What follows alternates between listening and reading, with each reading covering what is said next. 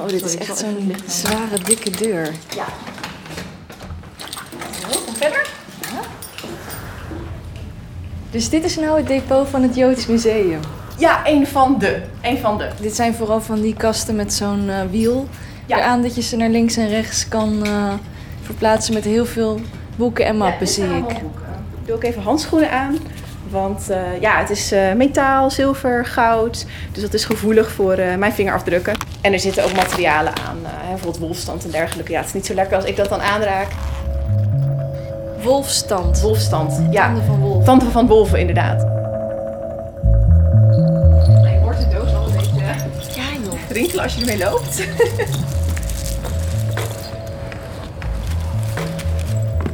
nou, dit is doos 1. Jeetje. En ehm, Het is net alsof je een juwelenkist opent. ja, hè? Ja, zeker. Dat is een goede vergelijking. In deze doos zitten een stuk of 15 voorwerpen die ik als leek niet meteen thuis kan brengen, maar ze schitteren me tegemoet. Ze zijn gemaakt van zilver en goud, maar ik zie ook stukjes bloedkoraal, kristal en edelsteen. Het zijn een soort zwaar versierde stafjes van een handzaam formaat die vol hangen met belletjes, krullerige aanhangsels. Sommige hebben een bolvorm, andere lijken meer op parapluutjes. Conservator Lisa de Goffouw maakt de ene na de andere doos voor me open. Dit is bijvoorbeeld Rammelaar 001. Het is een handvaatje van bergkristal. Kijk, je ziet het. Het is heel mooi helder. En als je goed kijkt, zie je hele fijne decoraties op het mondstukje van het fluitje. Hartvormpje. En bijvoorbeeld eentje met been. Deze is zilver dan, maar kijk, hij is heel mooi gedecoreerd. En dit zijn allemaal dingen van hout, zo te zien? Hout, maar ook metaal. Oh. Maar ook dat is heel mooi gedecoreerd. Dus alles wat rammelt of belletjes heeft, dat vond hij interessant. Oh, is dit, dit is allemaal rood dan? Dit is allemaal eh, riet en rotan inderdaad. Ja, celluloid en plastic rammelaartjes. En ik zie meteen ook heel veel knalkleuren. Ja, zeker. Deze 900 babyrammelaars werden samengebracht door één man. Heinz Keizer. Ik kon me zo weinig voorstellen van een heer op leeftijd met 900 rammelaars. Ik heb me wel altijd afgevraagd waarom, waarom rammelaars? Waarom rammelaars? Hij was zo gefascineerd door wat hij aan het doen was. Het is ook een beetje doorgeschoten, denk ik. Wat moet een volwassen man met 900 kinderspeeltjes? Maar ja, op de duur begrepen we wel dat het niet zomaar rammelaars waren. Dit is De Man met de Rammelaars. Een podcast van het Joods Museum. Als hij mij dat toen had verteld, was onze relatie natuurlijk totaal anders geweest. En ik ben Lotte. Eh, het verhaal daarachter, eh, dat heeft hij ons nooit verteld. Ik ga op zoek naar het verhaal achter de rammelaars. En ik begin bij Mirjam Knotter. Waterloopplein. Mirjam is de hoofdconservator van het Joods Museum. Ja, ik ben zo benieuwd hoe het er straks uitziet. Al die 900 rammelaars daar. Ze heeft een lange geschiedenis met de rammelaars van Heinz Keizer. Ehm, ik kwam hier als jonge kunsthistoricus in het museum ehm, onderzoek te doen naar zilver. Joods zilver. En een collega die gaf mij toen een klein boekje. Die zei, ja, oh ja, dit moet je ook even kijken. En dat was een soort heel klein boekje. Rinkelbellen en rammelaars door een H. Keizer. En ik deed ze open en ik zag allemaal Joodse siertorens op het eerste gezicht. Maar als je dan even iets beter keek, het bleken allemaal rammelaars te zijn. En nou, ik weet wel, ik dacht, wat een raar verhaal. En ik heb nog even zo die inleiding van hem gelezen. En ik vond een curieus verhaal, maar verder, eerlijk gezegd, eh, niet meer over nagedacht. En toen, jaren later, werkte ik in de Portugese synagoge met uh, Joods zilver, siertorens. Ik werkte daar nauw samen met Abraham Rosenberg. Dat was de bibliothecaris van de Joodse bibliotheek daar uh, toen. En die zei op een dag tegen van... mag ik even helemaal los van werk jou eens spreken over iets anders? Ik zit met een dilemma. En um, toen vertelde hij mij over deze verzameling. En toen vertelde hij hem ook... het staat in de kelders van de Portugese synagoge. Rosenberg neemt haar mee naar beneden... en Mirjam schrikt van wat ze daar aantreft. Het was een bende. Hoedendozen, verhuisdozen, koffers. Ehm, ik wist niet wat ik zag. Gewoon een, deed een hoedendoos open allemaal, allemaal proppen kranten. En er zaten opeens allemaal gouden en zilveren rammelaartjes en belletjes en eh, toestanden in. Nou ja, ik als zilvermens was best wel gefascineerd. Het zijn een soort miniatuurversies van Joodse siertorens voor de Torah. Dus dat triggerde mij. Rosenberg zit in het bestuur van de stichting die de collectie Rammelaars beheert. Het nalatenschap van Heinz dus. De stichting zocht al jaren naar een plek om de verzameling onder te brengen, maar dat was nooit gelukt. En nu stond alles dus hier, in de kelder van de synagoge. En Mirjams handen jeuken. Ja, de, de, de, in mij die kwam, eh, die ging compleet los uh, bij deze verzameling. Je ziet dingen met wolfstanden eraan, met, met bloedkoraal, met barnsteen. Uh, heel veel ook gewoon zilver, maar dan weer allemaal verschillende vormen. Hij had soms wel twintig bijna dezelfde rammelaartjes, maar die dan allemaal net een ander detail hadden. Dat soort dingen, dat viel mij natuurlijk ook wel op.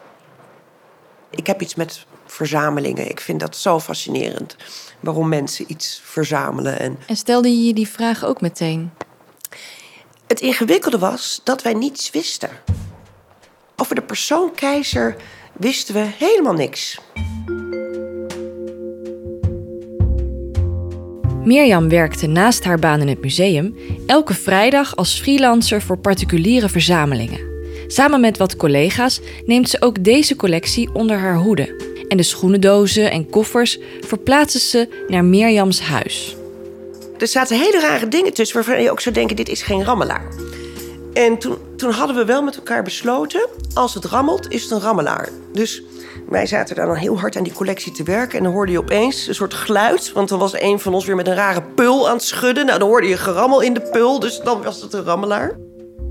Hoe lang heb je dat gedaan elke vrijdag? Jaren en jaren. Je gaat je verantwoordelijk voelen voor zoiets. Ja, en toen barstte dus die bom. Toen kwamen we dat document tegen. Dat document, dat alles in een ander licht zette, is een onopvallend bundeltje papieren. 20 pagina's met een aanhangsel in het Duits. Je zou het zo over het hoofd zien. Het, het, het, het is nog op dat ouderwetse stencilpapier, hè, van dat doorzichtige papier getypt, zo'n doorslagvel. Um, waarin Keizer zijn verhaal vertelt. En ik ben meteen gaan lezen. Ik ken de man Keizer natuurlijk niet. Ik ken zijn verzameling. En opeens ga je een heel persoonlijk verhaal van iemand lezen. Maar het was ook een totaal onverwacht verhaal. Mirjam leest het hele verhaal in één ruk en daarna meteen nog een keer. En eigenlijk meteen daarna ook dingen die ik niet begreep gaan proberen uit te zoeken. Ik heb toen ook direct een e-mail aan het bestuur van de Stichting Keizer gestuurd. En geschreven dat ik een verpletterend levensverhaal uh, heb gevonden. Kon je nog wel slapen daarna? Jawel, um, maar ik was wel echt gegrepen. Ik moet zeggen, ik was ook ontroerd. En eigenlijk ook dat ik een beetje het gevoel had: mag ik dit wel lezen?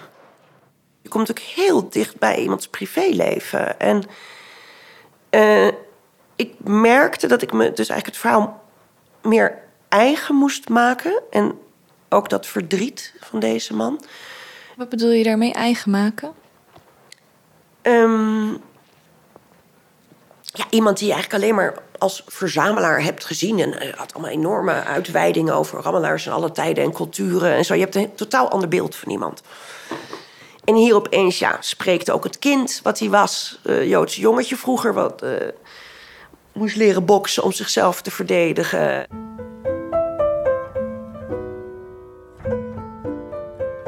Hoe ik Joods werd en bleef. Herman S. woonde op de tweede verdieping in hetzelfde pand als wij. Hij ging toen al naar de grote school, ik nog niet. We speelden altijd samen op de binnenplaats en als het slecht weer was, was hij heel af en toe bij ons. Maar meestal was ik bij hem. Op een dag kregen Herman en ik ruzie op de galerij en hij schold me uit voor stinkjood. Ik vloog hem woedend aan. Hij viel van de trap af terwijl ik op hem insloeg. En toen een buurman me van hem aftrok, bleef hij met een gat in zijn hoofd en een bloedneus liggen. Ik rende onze winkel binnen en riep: Wat is Jood? Wat is Jood? Mijn vader nam me mee naar zijn kantoor en zei: Een Jood is anders dan een christen. En dat zul je later ook nog wel merken. Ik hoorde dat mevrouw S. was gekomen om zich over de mishandeling van haar zoon te beklagen. Ik verdween naar de slaapkamer van mijn ouders om in de spiegel te onderzoeken of ik kon zien dat ik anders was dan een christen. In ieder geval ben ik toen joods geworden en later nog vele keer meer. Met deze anekdote begint het document, dat Schildering Levensloop heet. Van Heinz zelf zijn er helaas geen opnames te vinden waarin je hem ziet bewegen of hoort praten. Maar wel vond Mirjam een opname van Heinz broer Alfred. In 1995 werd hij geïnterviewd voor het oral history project Survivors of the Shoah. Je had ook uh, broers of zusters? Ik had één broer. Eén broer. Die is 1911 geboren. Ja. Hoe heette hij? Heinz. Het was een, een heel gezellig, amicaal gezin. Niet orthodox.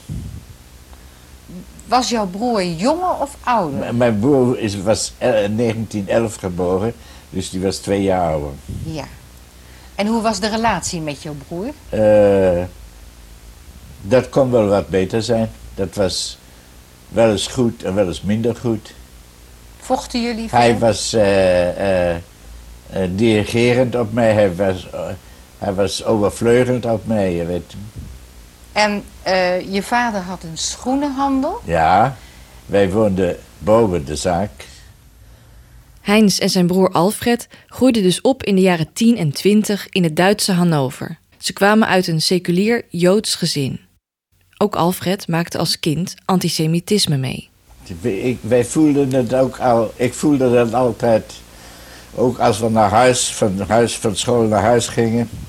Die leraren waren ook al een beetje verkeerd georiënteerd. En het, het zat er al in. En wat werd er dan gezegd, bijvoorbeeld? Uh, Joden, schoolmap die ze ons uit de hand sloegen en dergelijke dingen. Treiter, hè? Ja, kwam wel eens uh, huilend uh, naar huis. De winkel van zijn ouders werd beklad. dat speelde al voor de machtsovername. En wat mij zo uh, trof, was zijn reactie hierop. Hij werd heel strijdbaar, dus hij mapte erop los. Hij ging op boksles, was heel sportief. Hij verdedigde zichzelf. En hij is ook op hele jonge leeftijd, als tiener, is hij eigenlijk met een groep Joodse jongeren, zijn ze zich tegen het fascisme gaan verzetten. Hij raakte ook uh, in communistische uh, kringen, was hij. Um, hij danste ook, een soort moderne balletlessen volgde die op ook weer een soort hele interessante moderne school, uh, waar ook Agrippop theater werd uh, beoefend, hè, politiek theater dat oproept tot actie. We werden op een nacht opgepakt terwijl we biljetten aan het aanplakken waren. Leerden de gevangeniscel van binnen kennen en kregen een spoedvonnis. Drie dagen of twaalf mark. Intussen waren in de Listerbuurt al tientallen winkels, waaronder onze eigen schoenenwinkel, herhaaldelijk met leuzen als Jodenverrek of hakenkruizen versierd. En deze daders zijn nooit opgepakt. Maar goed, op onze poster stond: Fascisme is moord. Heinz schrijft ook over fijne dingen, zoals de herinneringen aan zijn lievelingsoom Ben, bij wie hij als kind graag logeert in de vakanties. En hij schrijft over meisjes. De periode 1930-1933 was een turbulente tijd. Desondanks was er nog tijd om verliefd te zijn, en dat was ik vaak. En steeds weer, om verschillende redenen, op anderen. Maar eentje was, meer dan alle anderen, ook verliefd op mij. En dat was Deborah F. Deborah en ik waren een levende scène uit een operette, waar Kalman jaloers op zou zijn geweest. Hij werkt ondertussen bij de katoenfabriek van de familie Braunsberg, een voorname Joodse familie. Die zien talent in Heinz en hebben grootse plannen met hem. Maar Joodse bedrijven krijgen het steeds moeilijker. Dat merkt ook de broer van Heinz, die werkt bij een Joods warenhuis waar steeds maar weer de ruiten worden beklad en ingegooid. Als je s'morgens aan de zaak komt, zag je de ruiten stuk. Gaf dat ook een gevoel van beklemming? In zoverre wel, maar uh, wij hadden natuurlijk totaal geen idee welke kant het uit zou gaan. Welke kant het uit zou gaan, wordt duidelijk in 1933 bij de machtsovername. Eigenlijk waren de nazi's daarvoor vooral met hun politieke tegenstanders bezig. En toen ze de macht kregen, hè, ging het zich opeens ook heel erg tegen Joden richten. En, maar omdat hij al een bekend politiek tegenstander was, uh, liep hij meteen gevaar. En, uh, hij liep eigenlijk dubbel gevaar. Ja. Als Heinz aan het werk is bij de firma Braunsberg, krijgt hij van een kennis de waarschuwing dat hij gearresteerd dreigt te worden. De heren Salo en Julius Braunsberg zaten in het privékantoortje tegenover elkaar aan hun bureaus toen ik hen verzocht om, in eerste instantie voor een week, vakantie op te mogen nemen, per direct. Meneer Keizer, waar reist u naartoe? Amsterdam. Zeer verstandig. We bedenken momenteel waar wij onze zoons naartoe willen sturen. Alle goeds en tot ziens.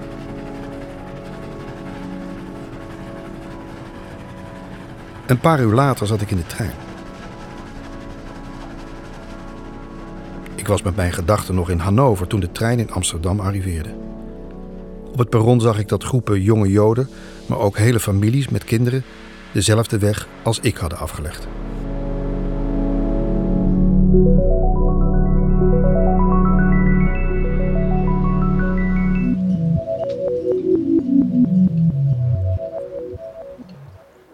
Er waren heel veel vluchtelingen in die tijd.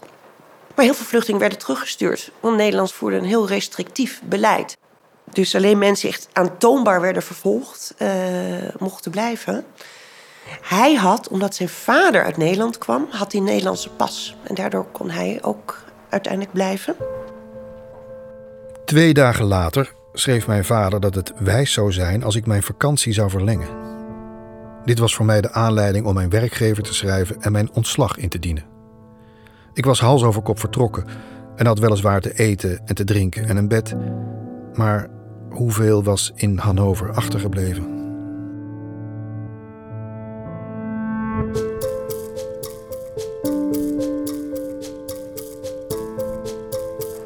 Denk je dat hij dacht dat hij in Nederland veilig zou zijn? Ja, ik denk dat hij dat wel dacht. Ja. In de volgende aflevering. Ze konden slaande ruzie hebben, maar dat komt nu opeens boven borrelen bij mij. Ik kon me vaak uit pure angst niet bewegen. Invloed uit te oefenen op de wereld, daar gaat het eigenlijk om. Hè? Letterlijk grip op een deel van de wereld.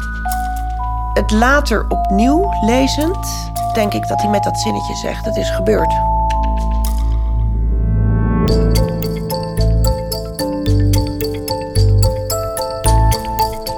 De Man met de Rammelaars is een podcast van het Joods Museum. En mijn naam is Lotte van Galen.